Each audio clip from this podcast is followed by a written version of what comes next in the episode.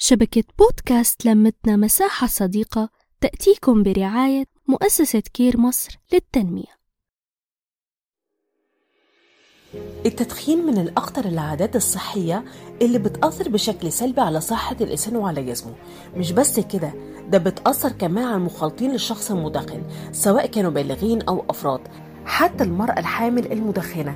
بتدخينها ده بتأثر على صحة الجنين وبيبقى أكثر عرضة لما يتولد إن يكون مصاب لأمراض الصدر.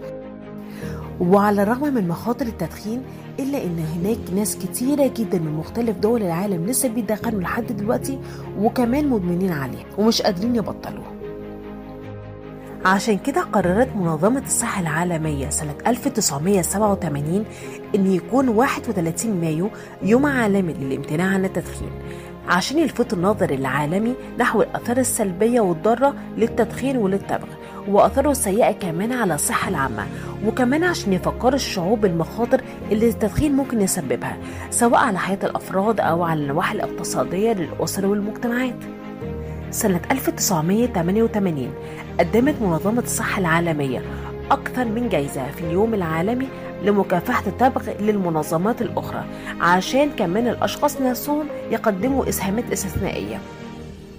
31 مايو 2008 دعت منظمة الصحة العالمية الحظر التام والنهائي على إعلانات السجائر لأن هي اكتشفت مع الدراسات اللي في علاقة قوية جدا بين إعلانات منتجات التبغ والسجائر وبين بداية التدخين.